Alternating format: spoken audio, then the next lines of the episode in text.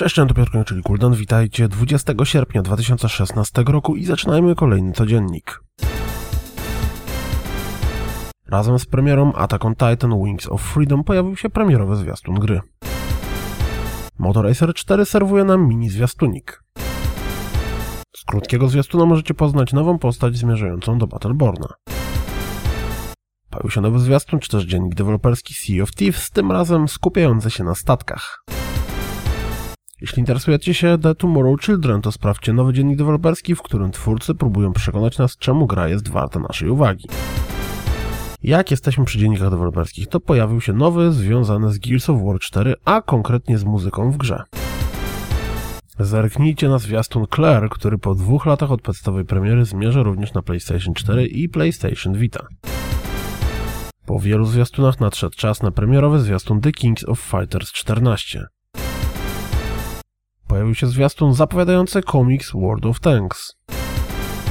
Techland zwrócił się do Steam Spy'a o usunięcie ich gier z bazy Steam Spy'a, co doprowadziło do decyzji szefa Steam Spy'a o przywrócenie wszystkich gier, które kiedykolwiek zostały usunięte.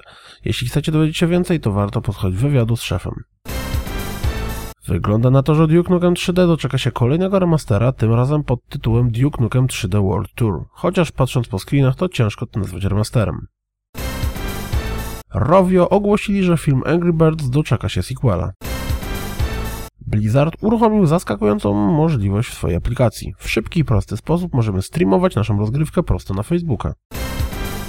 Endless Legend otrzyma DLC o tytule Tempest, które m.in. wprowadzi nową frakcję skupiającą się na walkach morskich. Steam, PSN i Amazon umożliwili niektórym z niezadowolonych posiadaczy No Man's Sky zwrócić grę i odzyskać pieniądze. Proces nie jest automatyczny i nie każdemu zwrot zostaje przyznany. Warto rzucić okiem na kolejne porównanie Bioshocków przed i po remasterze. Jeśli nie możecie doczekać się gry o Berserku, to rzućcie okiem na dwa nowe japońskie zwiastuny. To wszystko na dziś, jak zawsze dziękuję za słuchanie, jak zawsze zapraszam na www.rozgrywkapodcast.pl Jeśli doceniacie moją pracę, wesprzyjcie mnie na Patronite i mam nadzieję słyszymy się jutro, trzymajcie się, cześć!